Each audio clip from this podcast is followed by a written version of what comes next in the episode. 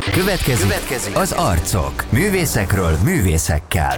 Nagyon sok szeretettel köszöntöm minden kedves hallgatónkat az Arcok című műsorban. Murányi Kovács Anita vagyok, a Magyarországi Baptista Egyház kulturális munkatársa. Mint mindig ebben a műsorban művészekkel beszélgetek művészekről. A mai vendégem Szilágyiné Mátyus Elvira, középiskolai énektanár, karvezető. Sok szeretettel köszöntelek, Elvira. Köszönöm szépen, és én is üdvözlöm a hallgatókat. Hogy vagy mostanában? Köszönöm, jól. Ünnepek előtt, Igen. sok munkával, uh-huh, uh-huh. de hála Istennek jó egészségben is, lélekben is. Hol van most a munkahelyed? Jelenleg a Patrona Hungári gimnázium, általános iskola és zeneiskola intézményében tanítok, a zeneiskola részében, szólfést. Uh-huh. És hát meg is határozza az életedet a zene, egészen kisgyermekkorod óta. Hát kérlek, mesélj arról, hogy hogyan érintett meg téged a zene, és hogyan történt ez, hogy a pályád is a zene lett? Hát egész kicsi koromtól kezdve mi a zenébe nőttünk bele, elsősorban a közösségi zenébe, a gyülekezeti zenébe. A mi családunkban mindenki foglalkozott uh-huh. énekkel, hangszerekkel. Édesapám a gyülekezetben karvezető volt. Ez a hajdúböszörményi mhm. gyülekezetben uh-huh. volt, tehát én ott születtem, és mint, mint akkoriban azért a legtöbb baptista családban ez teljesen természetes dolog volt, hogy otthon az éneklés, a hangszerjáték, az a mindennapok része uh-huh, volt. Uh-huh. És uh, egész gyerekkorunktól kezdve mi ott voltunk a gyülekezetben, mi, miután a szüleim karvezető, illetve énekkaritag volt anyukám, tehát mi gyerekkorunktól kezdve az énekórákon részt vettünk. Aha. Nyilván volt, amikor játszott, tereztünk, de legtöbbször bent voltunk mi is a szüleinkkel. És ugye vasárnaponként az Isten tiszteleteken folyamatosan ért bennünket ez a hatás, és otthon is. Aha. És volt egy nagyon meghatározó pillanat, egészen kicsi korban, talán négy vagy öt éves lehettem, ami egy Isten tiszteleten történt. Igazából semmi különös nem történt, csak az énekar énekelte azt az éneket, hogy jövel az életvizéhez. És valahogy abban a pillanatban az énekkarnak az a hangzása, uh-huh.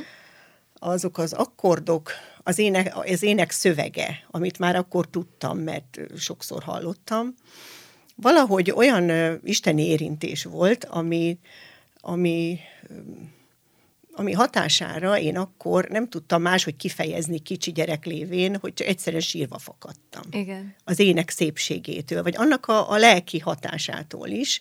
Úgyhogy hát anyukám nem tudta, hogy mi van velem, és ki kellett vinni, mint egy síró gyereket. Igen. De, de abszolút éreztem azt, hogy ez, ez egy egészen más szféra volt, amit én most így megtapasztaltam. Uh-huh. És valójában azt hiszem, hogy a mai napig is a, az isteni érintést, igen. ami a zenén keresztül történik, vagy ezeknek a lelki énekeknek a, énekeken keresztül történik, ez a mai napig ugyanez az útja, és mhm. ugyanez a csatornája. Tehát ma is ugyanezt érzem, Igen. amikor valami megérint. Igen, értem, értem. Ez olyan különleges számomra, hogy ezt hallom, hogy nektek, hogy gyerekkorotokban is, hogy otthon annyira természetes volt, hogy zenéltetek. Hát hogy kell ezt elképzelni, hogy ez olyan nyilvánvaló volt, hogy akkor odaülni a hangszer mellé, és Igen. elővenni az énekeskönyvet, vagy hogy volt ennek a helye? Hol volt a helye ez, a mindennapokban? Egy harmóniumunk volt otthon, tehát Aha. nem volt más hangszerünk. Apukámnak még azt hiszem fúvós hangszer, trombitált is, tehát az a hangszer is otthon volt, de ő is harmóniumozott, uh-huh. tehát a gyülekezetben éneket tudott kísérni és ő nagyon sokat játszott az énekeket. Uh-huh. A, egyáltalán azért, mert éppen készült vele a, az énekórára, vagy uh-huh. a vasárnapra, de, de legtöbbször mi azért énekeltünk, mert szerettünk. Uh-huh. És bekapcsolódtatok. Igen, igen. Tehát, tehát annyira jó volt, és ez előfordult hétköznapon, vasárnap délutánonként rendszerint. Uh-huh. Tehát, hogy ebéd után leültünk a harmoniumhoz, és akkor énekeltünk, hogy ezt az éneket, ó, ez is milyen jó, az is, lapoztuk az énekes könyvet, és jó, már eltelt az idő, már mehetünk énekórára délután né- háromnegyed négykor, mert négy órától énekóra volt, tehát ez így, ez így része volt az életünknek. Uh-huh, uh-huh. Abszolút. Azután nagyon korán el is kezdtél zeneiskolában tanulni. Először a hegedűt választottad. Miért? Azért, hat éves voltál. Hat évesen, igen. Tehát akkor hat évesen, ahogy iskolába igen, mentünk, lehetett zeneiskolába lehetett. menni és mivel nem volt otthon zongoránk, tehát én zongorát szerettem volna mindig is, de nem volt hangszerünk, tehát nem is volt olyan lehetőségünk, ezért a hegedűre irattak be, meg jó hallásom volt, és, és hát elkezdtük ezt a hangszert. Illetve azért is, mert azért akkoriban volt egy olyan ö, gondolkodás, hogy, hogy a gyerek, ami hangszert tanul, azt azért tanulja, hogy a gyülekezetben tudja hasznosítani. Uh-huh. Tehát és akkor, tudtad? hát tudtam, az később történt, de, de tudtam, igen, mert akkor azért voltak a gyülekezetekben vonós zenekarok, vagy vonós hangszerek kísértek uh-huh. valamit, tehát abszolút lehetett használni. És megvan-e a hegedű tudásod? Még mai napig is használod? Nem. Vagy elváltak útjaitok? El, el. Tehát ez alapfokon ment, nem, nem volt rossz, de én nem, nem szerettem nagyon gyakorolni, tehát ez mm-hmm. sokkal többet kellett volna, bár ezzel a nagyon kevés gyakorlással is jól ment a dolog, de azért engem annyira nem vonzott, Értem. tehát Aha. utána más terület Milyen irányt vett a zenetanulmányaid? Hát még a hajdúböszörményhez visszatérnék a, uh-huh. a mhm. zenéhez, mert ami meghatározó volt, hogy én gyerekkoromban a baptista szeretett házban töltöttem úgymond a mindennapjaimat. Uh-huh. Ez abból uh, fakad, hogy az én nagyszüleim voltak akkor ott a vezetők, uh, a Hajdúböszörményi Szeretetházban. Két baptista szeretetház volt akkor a közösségünkben, a Kiskörösi és a Hajdúböszörményi. és anyukám ott dolgozott, tehát mint alkalmazott, uh-huh. és én kisgyerekként mindig mentem vele, mert nem tudott hová tenni, illetve hát akkor azért egy olyan időszak volt, hogy mivel hívők voltunk, és uh-huh. baptisták, ezért nem vettek föl az óvodába. Ja, igen. Tehát uh, igen. És ott voltál velük?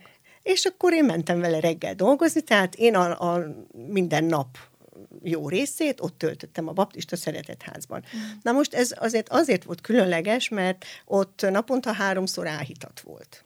Reggel, délben és délután. És én ezeken részt vettem. Mm-hmm. Tehát az lelkileg is egy nagy uh-huh. erősítés volt, de ott is mindig volt éneklés. Uh-huh. Tehát az én nagyszüleim is nagyon jó hangok voltak, nagyapám nagyon szeretett énekelni, nagyon jó tenorhangja volt, ő is játszott hangszeren, tehát ahogy volt egy dal, ő biztos, hogy hozzáénekelt egy másik szólamot, uh-huh. és ez, ez így teljesen természetes uh-huh. volt. És ott nagyon-nagyon sokat kaptam, uh-huh. és sokat uh-huh. tanultam. Uh-huh. Az idősektől is, nagyon sok életet megismertem, nagyon sok Igen. sorsot, ahogy játszottunk.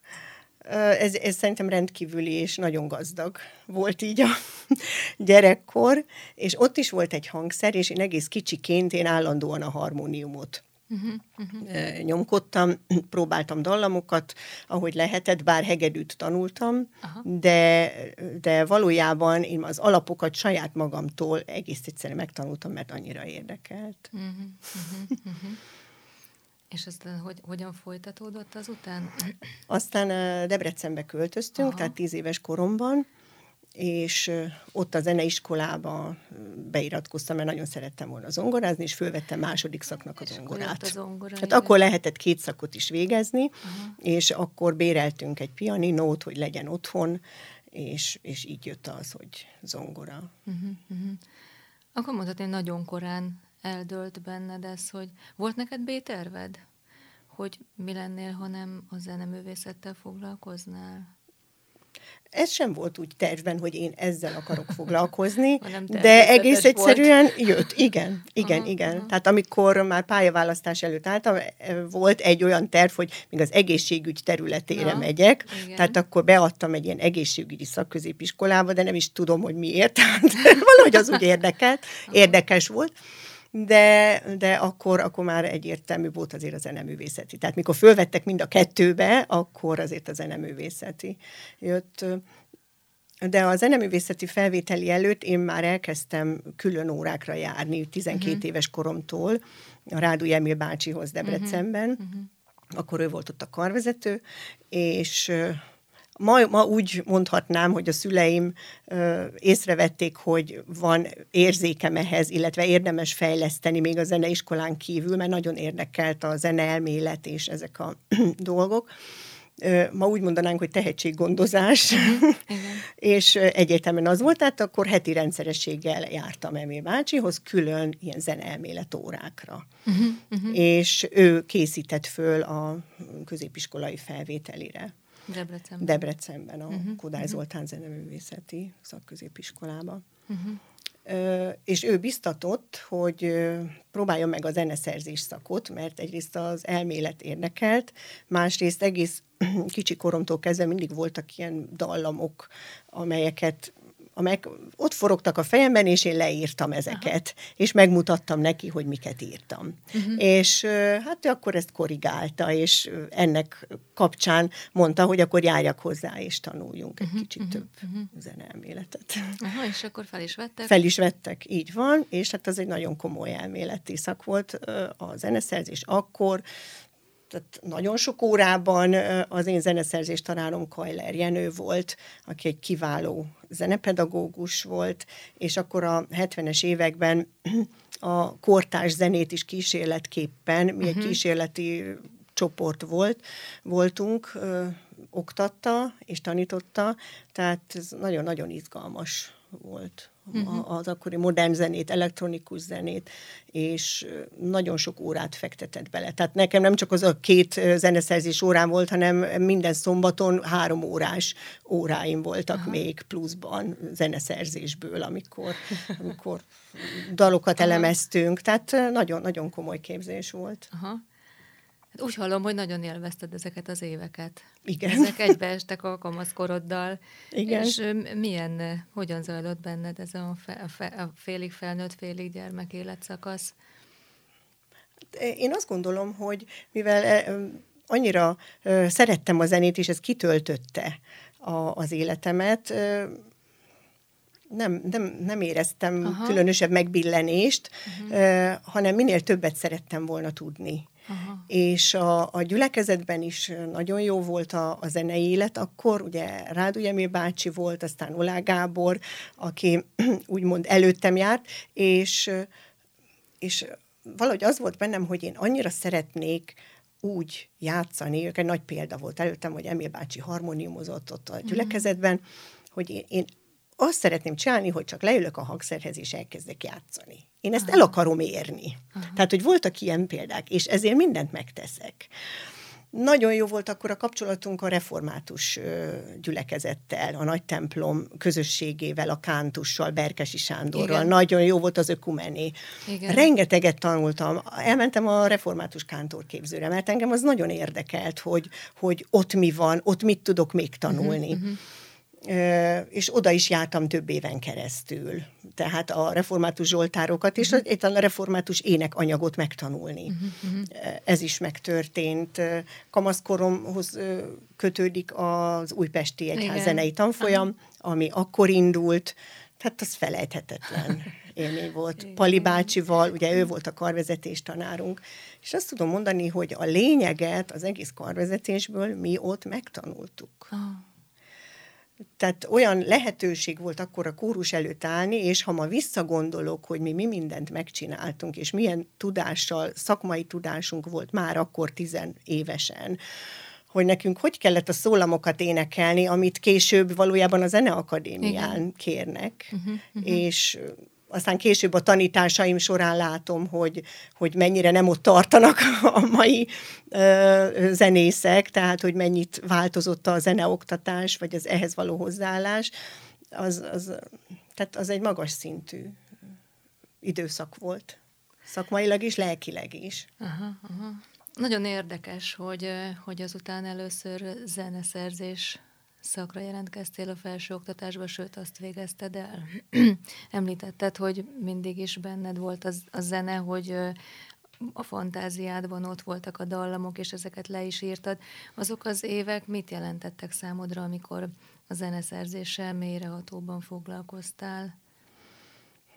Az, az egy nagyon izgalmas időszak volt, de, de megláttam önmagamban, hogy én nem vagyok egy egy nagyon zseniális zeneszerző akad. Uh-huh. tehát annyira nem voltak mélyek azért ezek a gondolatok. Uh-huh. Tehát, tehát az, hogy írtam egy, egy dalt, vagy egy éneket, Aha. vagy ilyesmi, meg kellett komponálni hangszerre, ami nem volt rossz, uh-huh. de valahogy a középiskola táján ezek mintha egy kicsit úgy ö, csillapodtak volna. Uh-huh.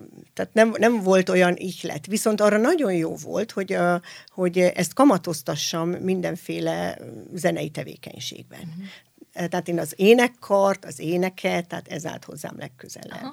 És az, hogy ott, amikor kísér, és kísérni korrepetíció, tehát akkor is, már középiskolában is, én mindig csak kötelező zongorás voltam. tehát nekem főszakom soha nem volt a zongora, de, de nagyon jól tudtam blattolni. Uh-huh és ez talán annak köszönhető, hogy egész kiskoromtól kezdve annyira érdekelt a harmónium és az összhangzás, hogy már harmóniumon elkezdtem zongoradarabokat gyakorolni, amikor még nem volt zongoránk. Uh-huh. Teljesen saját magamtól, amikor még nem volt tanárom. Uh-huh.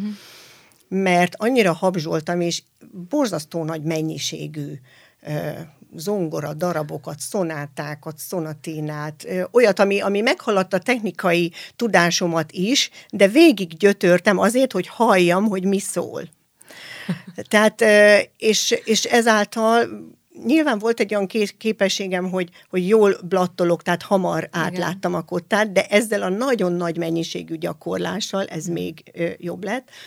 És a nővéreim, az egyik nővérem ő fuvolázott, és otthon kamaráztunk. Tehát én már kísértem őt ö, hangszeren, és nagyon szerettem ezt is, és a mai napig, uh-huh. hogy énekkart kísérni, vagy uh-huh. más hangszerest, vagy egy kicsit hozzáimprovizálni. Tehát ezt a mai napig ö, hasznosítom. Uh-huh.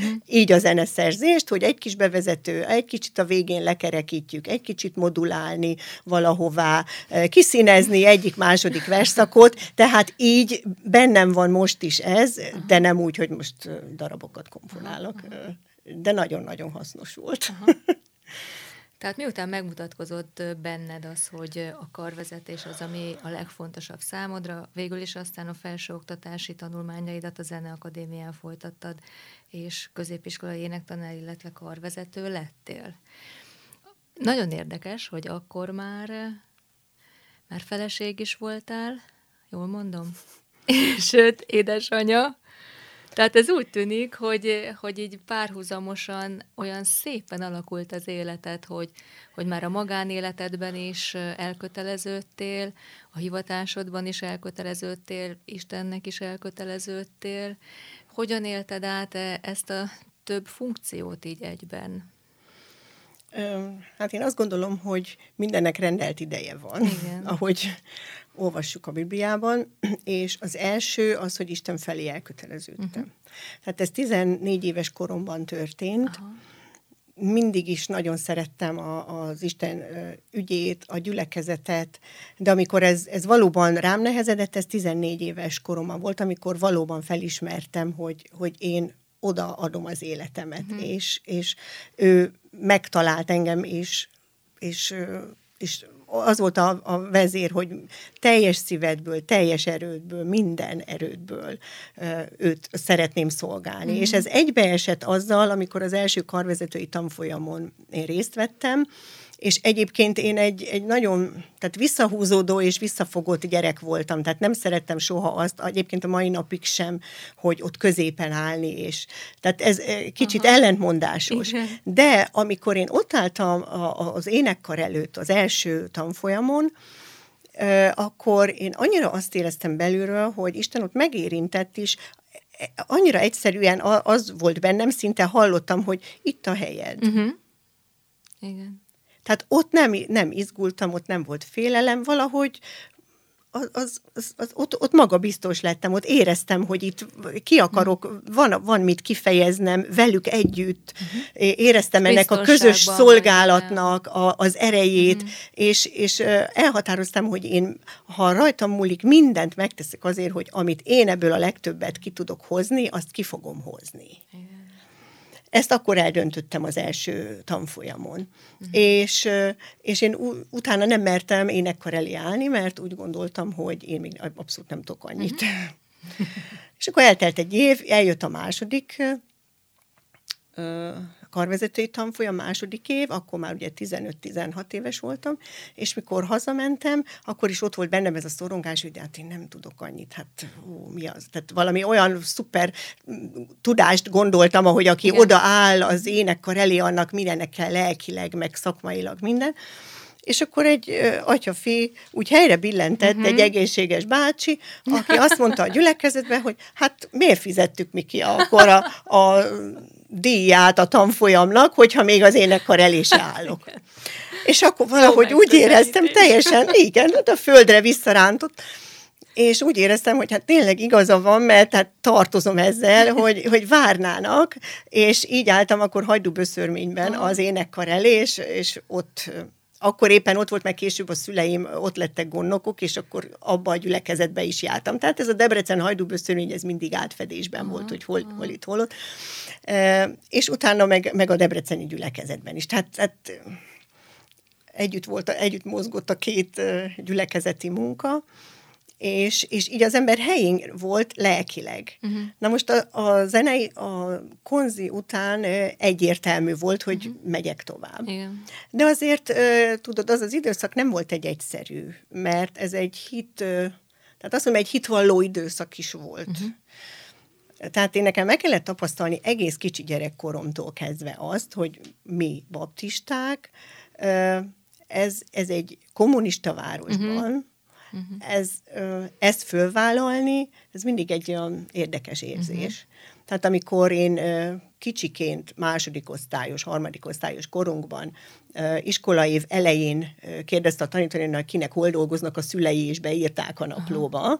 akkor ugye én azt mondtam, hogy édesanyám, igen, és a baptista szeretetház. Aha. És amikor egyedül vagy így az osztályban kicsiként, akkor érzed, hogy igen, most te megvallottál valamit, uh-huh. meg valakit, de érzed ennek a az erejét is. Uh-huh. Tehát, hogy ez ad egy tartást. Ugyanez uh-huh. végig kísért a középiskolában, amikor az iskolában uh-huh. egyedüliként nem voltam kisztag.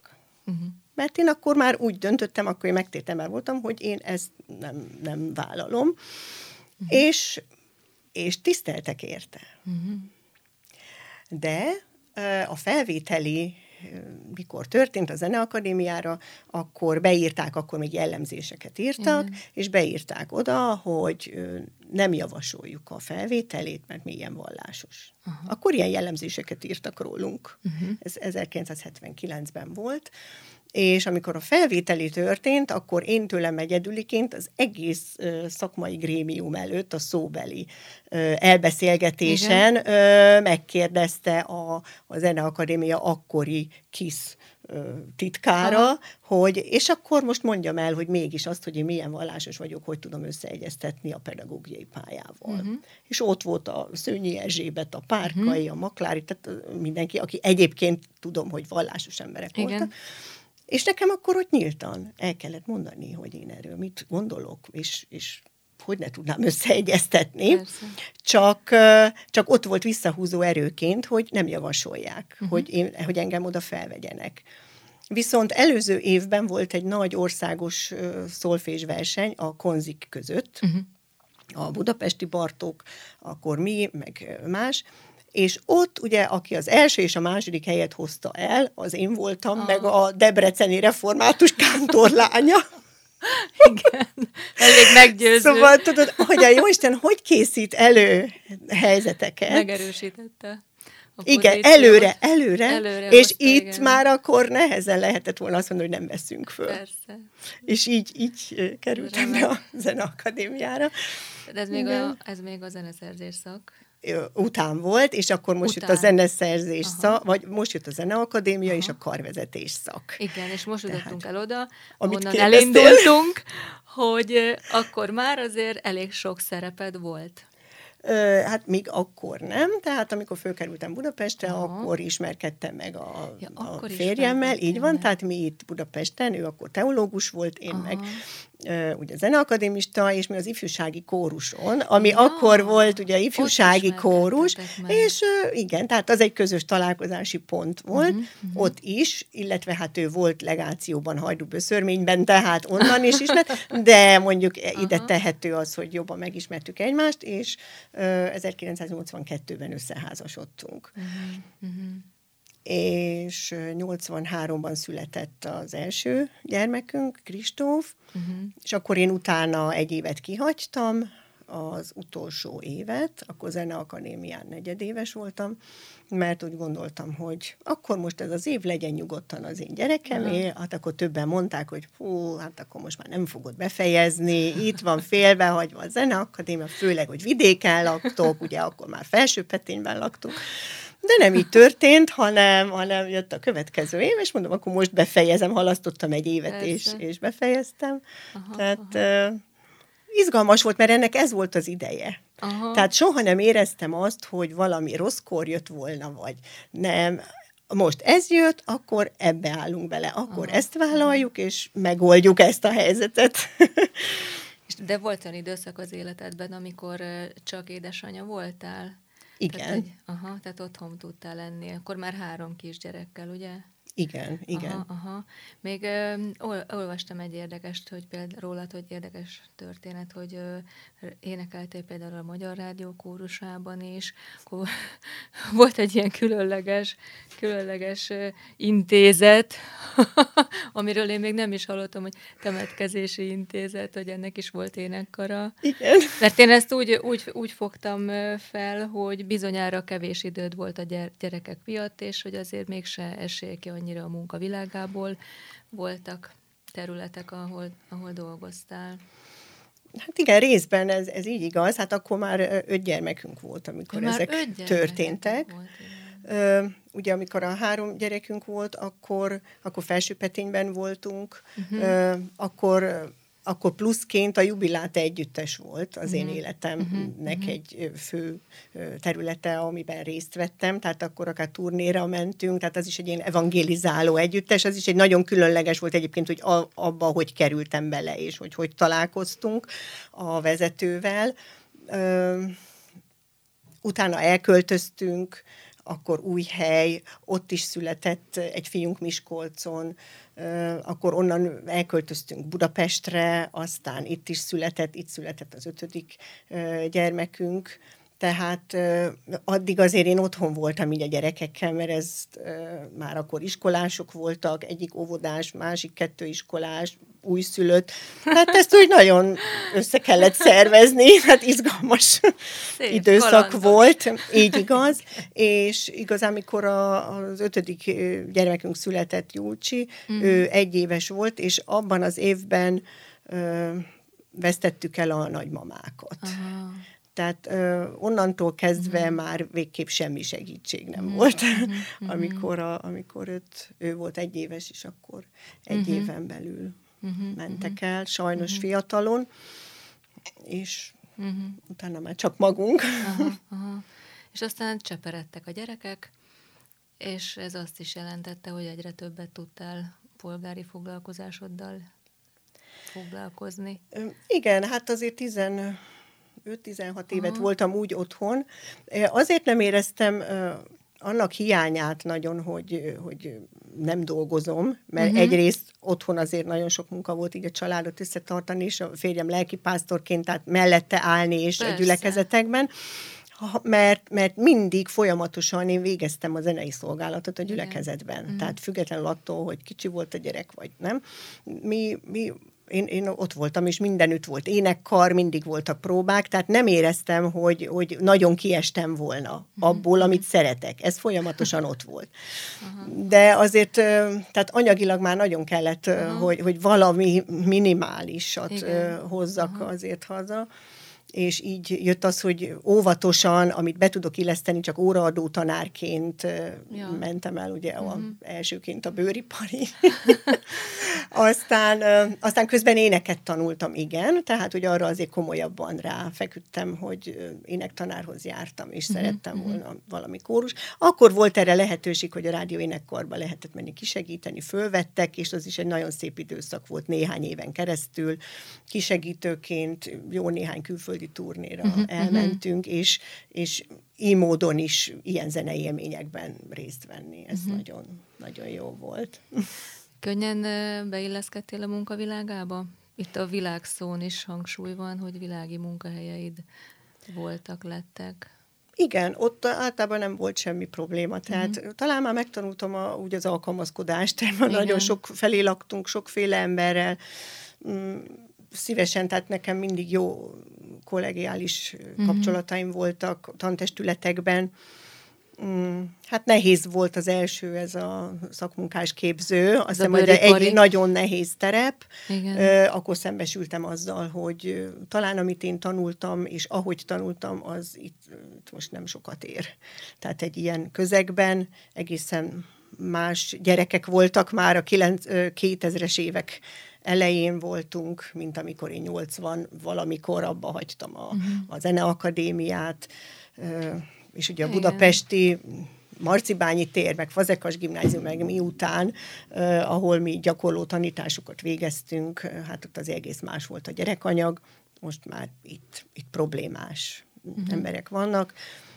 Hát izgalmas volt az, tehát azt gondoltam úgy két hét után, hogy vagy itt hagyom az egészet, vagy pedig megpróbálom, igen, igen, hogy beállunk és fölvállaljuk. Aha. Ez úgy talán két-három évig ment is. Aha. De nagyon-nagyon nagy energiát vett ki, annak ellenére, hogy nem sok órát tanítottam a, ott, de maga a közeg, az szellemileg az nagyon, nagyon, nagyon erős volt. Aha, aha. Igen. Milyen állomásai voltak még a foglalkozásodnak, hol tanítottál még?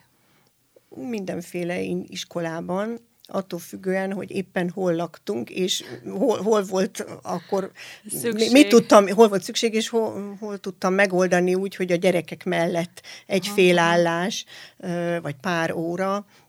Tehát Miskolcon is volt, Miskolc környékén is volt, mikor ott laktunk, egy általános iskola, aztán itt Budapesten is másik általános iskola, tehát alapfokon, alsó tagozatban, aztán felsősöket is tanítottam, tehát úgy mindenbe belekóstoltam egy kicsit, ami egy nagyon jó tapasztalat volt uh-huh, egyébként. Uh-huh. Zeneiskolában is, Pécelen ott zongorát tanítottam, uh-huh. tehát akkor meg kellett tanulni, hogy mi is a zongoratanítás metodikája, és ez megint, megint új dolog volt. Tehát uh-huh. általában új dolgokat kellett uh-huh. megtanulnom elég sokszor. Uh-huh. Uh-huh. Tehát uh-huh. mindig más. Nem, nem volt ilyen nagyon bejáratott, hogy hú, most már évekig ezt csinálom, és akkor ebből megélek, hanem mindig valami teljesen új helyzetet uh-huh. hozott az élet. Uh-huh. De a valódi elhívásod az a baptista közösségben van, zenei szolgálatokban. Jelenleg mely területek ezek, hogy hol szolgálsz mostanában? Hát jelenleg a Budafoki mhm. gyülekezetben uh-huh. vagyunk otthon, itt már 16 éve talán, 15, uh-huh. 16 éve vagyunk itt, és itt a, először úgy, mikor ide kerültünk, akkor úgy jöttem, hogy igazából zongora kísérőre volt szükség, és elvállaltam ezt, hogy amire, amit kell kísérni, szívesen segítek, de nekünk akkor lelki otthonra is szükségünk volt, és inkább ez volt a fő mozgató erő, de mégis a zene kapcsán kerültünk oda, és aztán aztán ami jött, tehát ott is szerveztem harangzenekart, akkor a, az ottani gyerekekből, aztán amikor a Gálaci sajnos meghalt nagyon hirtelen a fúvós vezetője, uh-huh, akkor uh-huh. utána kértek, hogy uh-huh. vezessem őket, mert az is egy teljesen új terület volt, mert fúvósokkal azért nem foglalkoztam. De hát, mint vezénylés, az Igen. azért ugyanaz, uh-huh. meg a partitúra olvasás is, ugye, tehát ez is egy gazdagodási lehetőség volt, és azt is évekig csináltam, és hát óhatatlan, hogy az énekkart is, és most már jó pár éve az énekkar vezetője vagyok. Uh-huh. És mi a helyzet a Vox Nova férfi karral?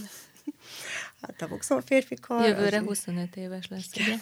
Igen. Nagy ünneplést várunk. Tehát nem tudom, hogy mi lesz, mire lesz lehetőség. Ez egy nagy kiváltság. Igen. Ahogy az, az megalakult, az gyakorlatilag egy évvel később volt, hogy a harangzenekart megalakítottuk uh-huh. Mhm. 1996-ban, és 97-ben meg a férfi kar.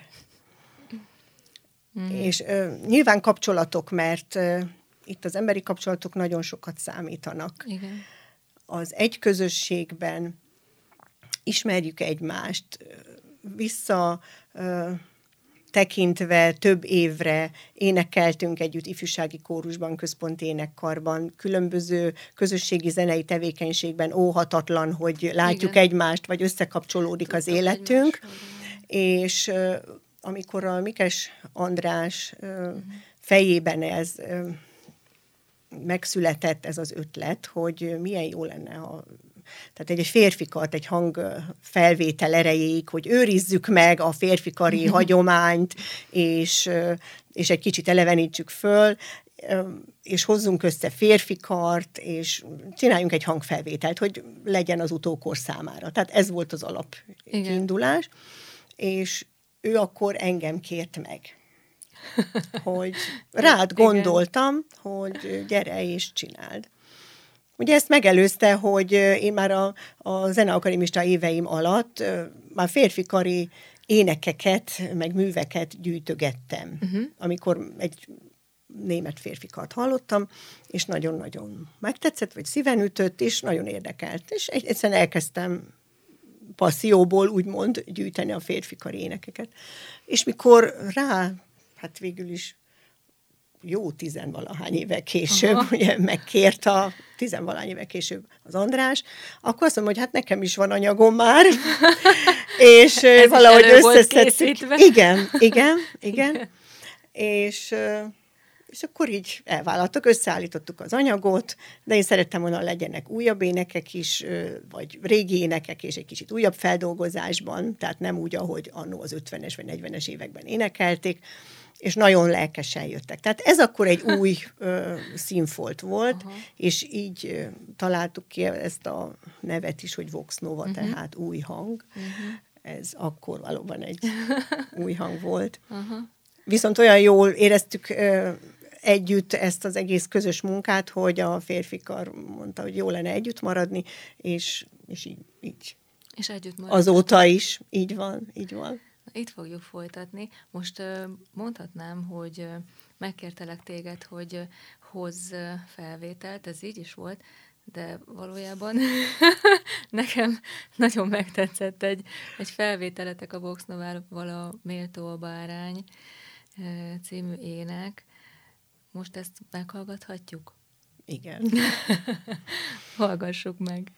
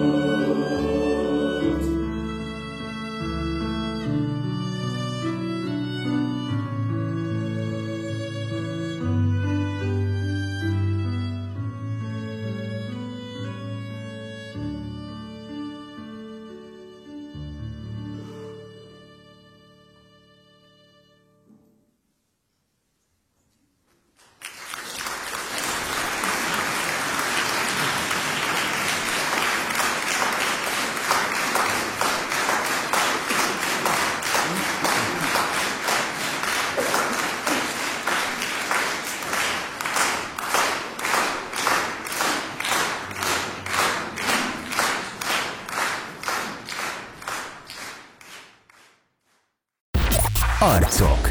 Művészekről, művészekkel. Szilágyiné Mátyus Elvírával beszélgetünk. Az imént ott hagytuk abba, hogy lassan 25 éve annak, hogy, hogy ő a karnagya a Vox Nova baptista férfi karnak.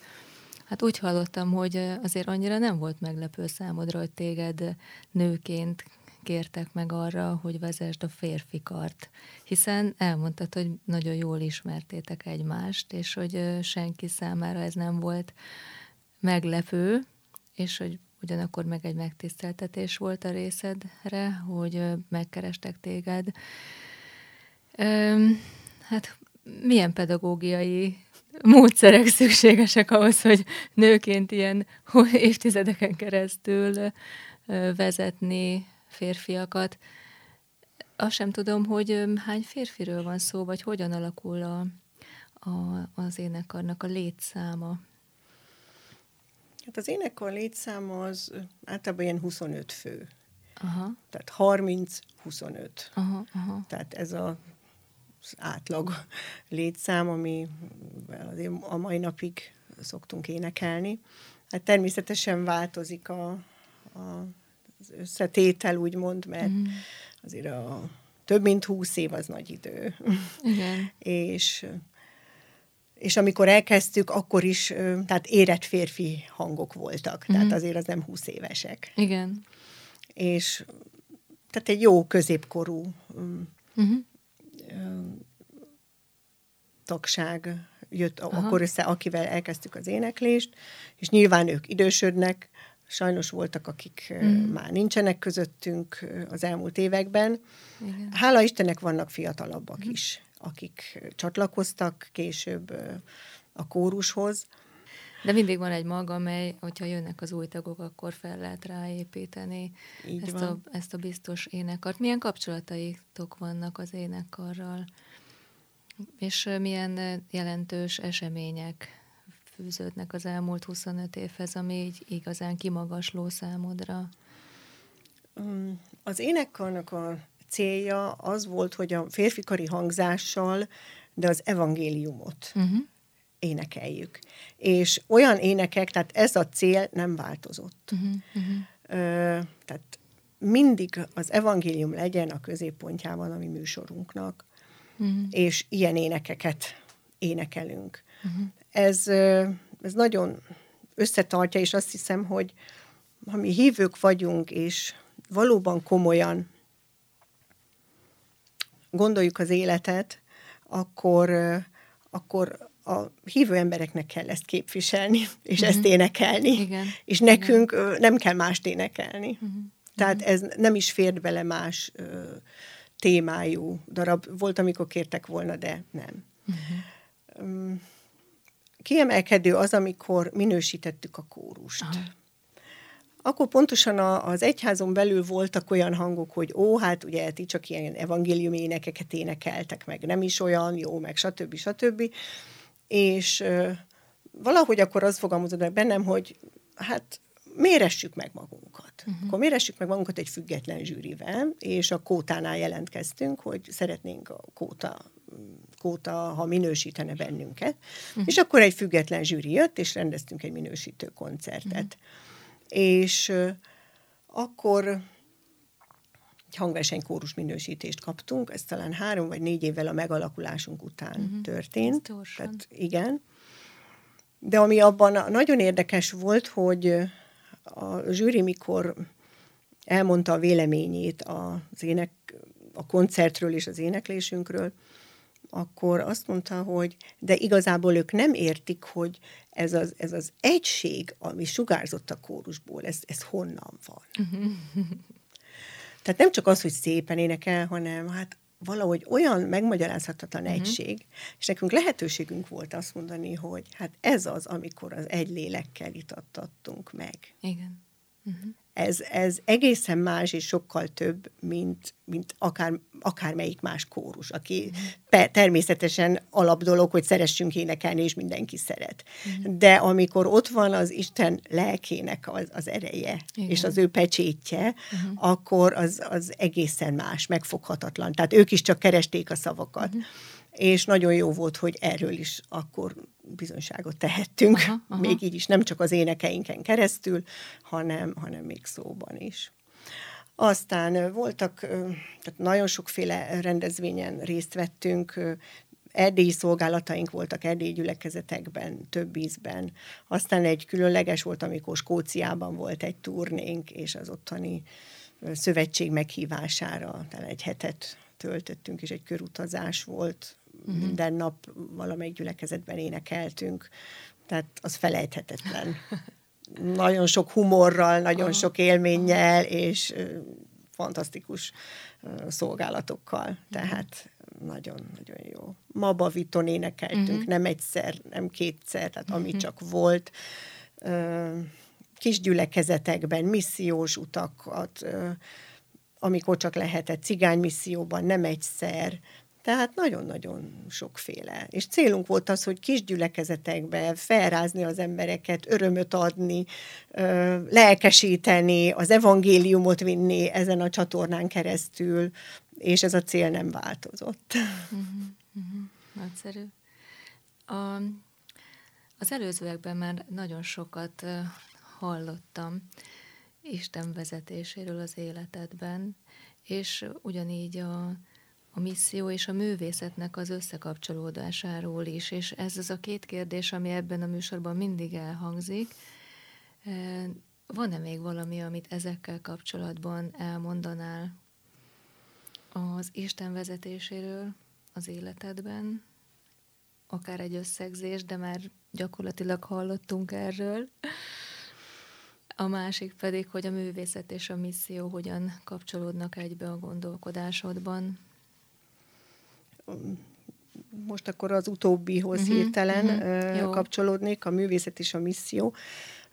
Tulajdonképpen amikor ez a, ezt a mondatot hallottam már, vagy ezt a kérdést, uh-huh. magamban az fogalmazódott meg, hogy, hogy a művészet és a misszió annyiban érdekes, amennyiben um, odaszánt életű emberek uh-huh. végzik a művészek, végzik a missziót.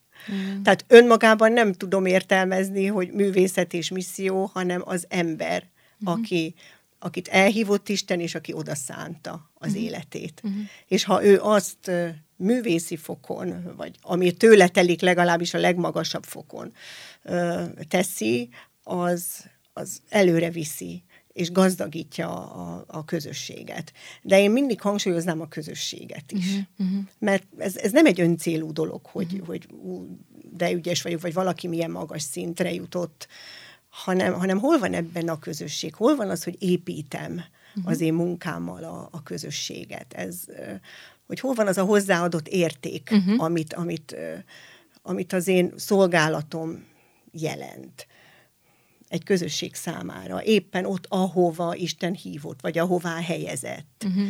És azokban a lehetőségekben, azokkal az emberekkel, uh-huh. azokkal az adottságokkal. Uh-huh. Tehát ez az izgalmas Igen. az egészben, ami, ami ö, soha nem ugyanaz, és mindig meg kell találni ö, azt, hogy azokkal az emberekkel, azokkal a képességekkel mit tudunk kezdeni együtt. Uh-huh. Uh-huh. És ezt én művészetnek érzem. Persze. Tehát nem önmagában az a művészet, hogy valaki kap egy művész diplomát, nem, hanem amikor az életedben és hosszú távon ezt, ezt meg tudod tenni. Uh-huh. Uh-huh. De ez majd csak úgy utólag, ha, ha visszanézünk, akkor derül ki, hogy, hogy, hogy tudtál-e hozzátenni, vagy nem. Uh-huh. De ehhez az odaszánt élet. Igen. Igen. És az áldozat, az elkötelezettség, és az, hogy mi a prioritás az életünkben. Uh-huh. Tehát ezt nem lehet megspórolni. Uh-huh. Uh-huh. Ez, egy, ez egy olyan életforma, én úgy tapasztaltam, ami, ami minden alkalommal valami lemondás, tehát valami áldozat. Uh-huh. És én hiszem, hogy, hogy ez kedves Istennek. Nem úgy áldozat, hogy fú, most én hoztam egy nagy áldozatot, hanem az, az én prioritásom az, ahogy például betervezem most a, az órabeosztásomat, uh-huh hogy azon a napon, amikor nekem gyülekezeti feladatom van, akkor nem teszek, amennyire csak rajtam Aha. múlik. Igen. Vagy bizonyos helyekre, vagy rendezvényekre nem fogok elmenni, mert nem tudom beleilleszteni, mert akkor innen hiányoznék. Uh-huh. És ezt, ezeket a döntéseket azt hiszem minden nap szinte meg kell hoznunk. Uh-huh. Uh-huh. Tehát ez, ez adott pillanatban, nagyon sokszor volt úgy, például a középiskolában is, mikor gimnáziumban tanítottam, nagyon jó rendezvények voltak, vagy egy testvériskola kapcsolat, és elmehettünk volna, és ingyen, de sajnos pontosan egybe esett azzal, hogy most nekünk vagy hálaadónk volt, vagy csak egy nagyon fontos énekóra. Igen, igen. És, és akkor azt mondtam, hogy nem megyek. Igen. Igen. Vagy olyan állás volt, ami, ami éppen jó lett volna anyagilag, de de mivel vasárnap is elfoglaltság, ezt abban a helyzetben nem tehettem meg, Igen. mert nem vitt rá a lélek. Uh-huh. Tehát, és ez, ez folyamatos választás és döntés. Uh-huh. Uh-huh. És én azt tapasztaltam, és itt jön az Isten, Isten vezetése, Igen. hogyha én elkötelezett vagyok, mert én egyszer Igen. felé igent mondtam, és én éreztem ezt az elhívást, és azt mondtam, hogy teljes erőből és minden időmből, uh-huh. akkor én ezt komolyan gondolom. Uh-huh. Uh-huh. És Isten viszont vezet. Igen. És nem úgy, hogy egy hosszú távú, csodálatos pályát bemutat, hanem nagyon sokszor csak egy lépés. Uh-huh és abban legyél engedelmes. Uh-huh. Én ezt nagyon tapasztaltam.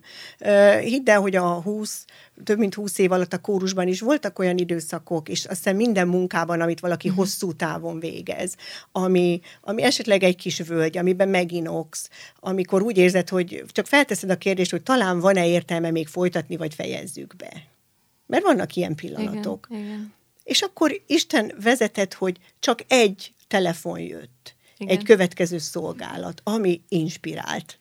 És azt uh-huh. mondom, hogy na, még akkor ezt megcsináljuk. Uh-huh. És miután azt megcsináltuk, akkor olyan gazdag ö, világ bomlott ki, és még olyan más lehetőségek, ami abszolút tovább lendített azon a mélyponton. Igen. De ez egyébként egy hihetetlen izgalmas. Igen. Igen, hogy mi, Különben követ, mi a ebben élni. Így van, lépés így van. a vezetésben, hiszen ő már nagyon korán megmondta neked 14 éves korodban az Újpesti Egyház zenei tanfolyamon, hogy ott a helyed igen, a zenekar igen, élén. Igen, és nem vonta vissza. igen. Szóval várom, tehát érzi azt az ember, amikor azt mondja, hogy te most itt akkor ennek vége, Aha. vagy tedd le. Így volt a harangzenekar is, Aha. de hát ahogy az is kialakult, és amiken az a keresztül átmentünk, hát az is egy csoda. Uh-huh, Tehát uh-huh. azt mondjuk csak zárójelben mondom, hogy az, az úgy tudnám jellemezni, hogy a hajléktalan szállótól az operaház. Uh-huh, uh-huh. Értem. Az a tizenvalahány, az is tizenvalahány év szolgálat volt. Köszönöm. Most uh, szeretném, hogyha mesélnél egy kicsit a családodról hogy kik a családod tagjai, a gyerekeidről, ők mivel foglalkoznak, hol tartanak most az életükben, hogy mi, mi jellemzi a ti családi életeteket? Hát most pillanatilag ugye öt és már felnőtt gyermekünk van. Aha. Tehát most már azért mindenki felnőtt. Elég sok. Igen, igen, hála Istennek. Uh, ott vannak a gyülekezetben mindenki. Uh, családos gyermekeim is vannak, van öt unokánk, Aha. és ketten még otthon. Uh-huh. Uh-huh. Szeretjük egymást, ezt tudom mondani. Jó kapcsolatban vagyunk. Uh-huh. Tehát a gyerekeim részei voltak ennek a szolgálatnak. Uh-huh. Éveken keresztül a harangzenekarban ők voltak a fő oszlopai, egyik fő oszlopai, uh-huh. és azt tudom mondani, hálás vagyok érte, hogy Isten adta ezt a lehetőséget, és ott voltak. Azt hiszem, nagyon sok minden mástól megóvta ezáltal őket. Uh-huh. Tehát én azt látom, hogy aki uh-huh. szolgálatban benne van, az az Isten védelme alatt van. Uh-huh.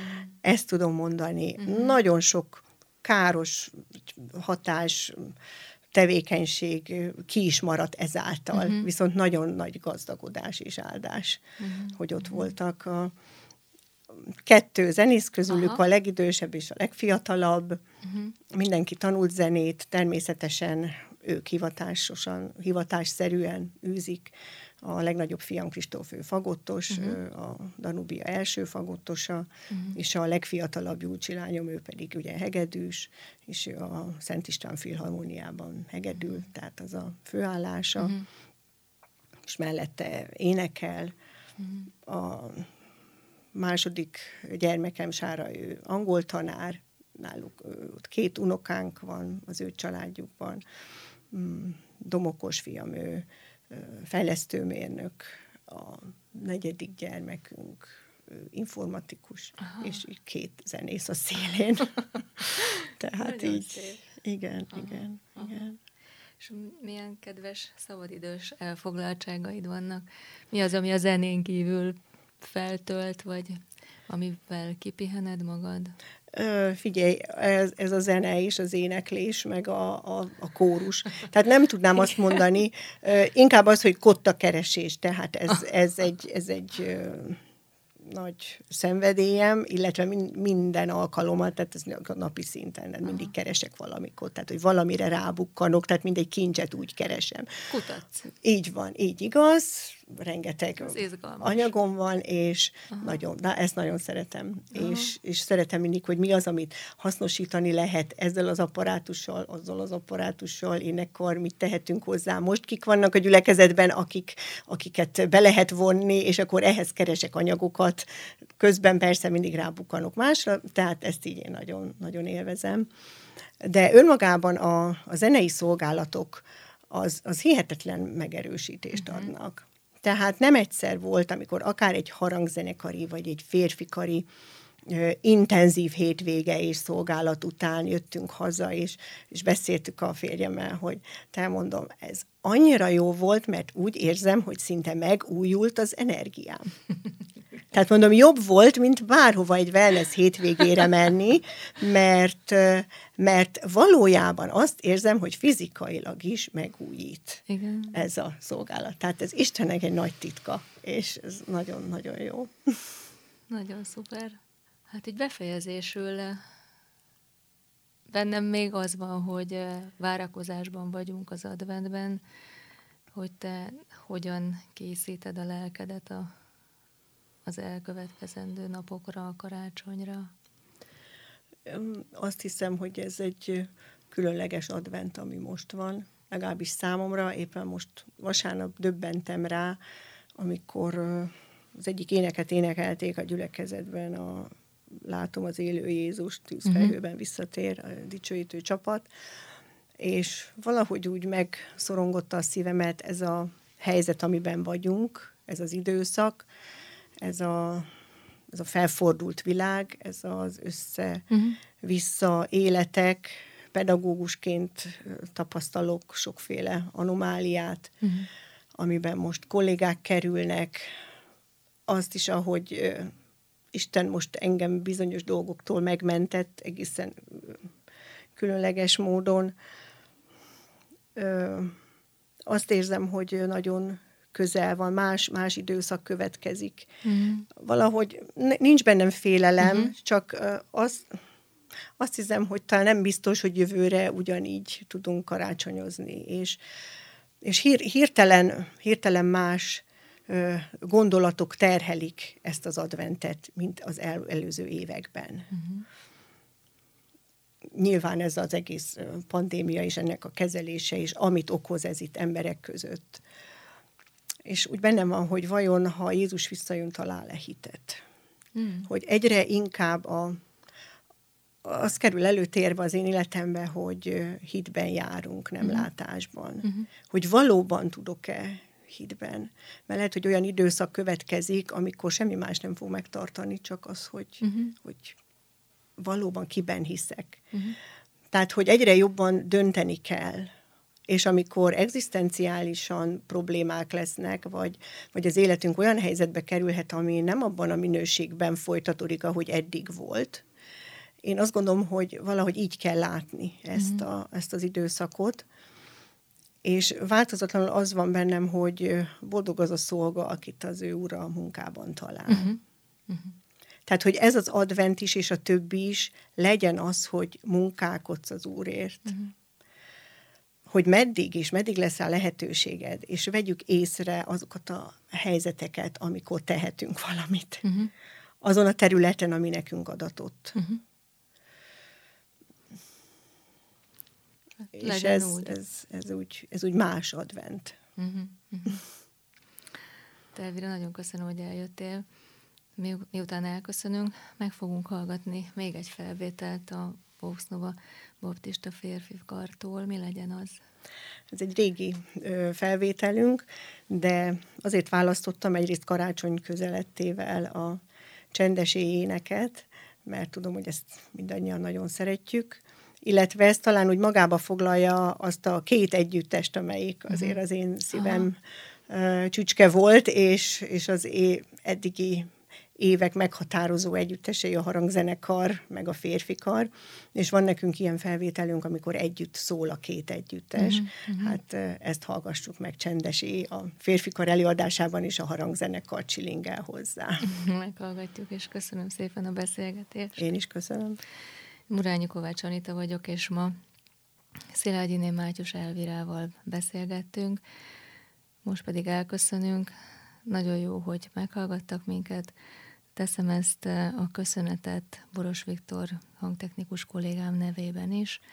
Legyenek velünk máskor is viszont hallásra.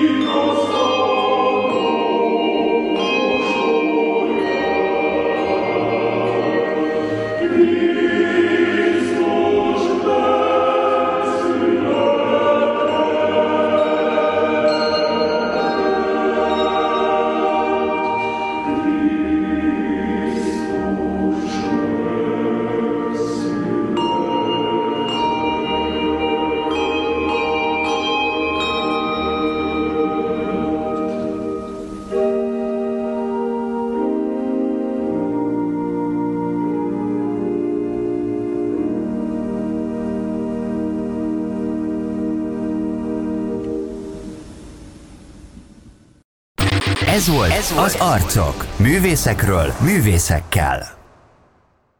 A műsorszám gyártója a Baptista Podcast. Baptista Podcast. Neked szól.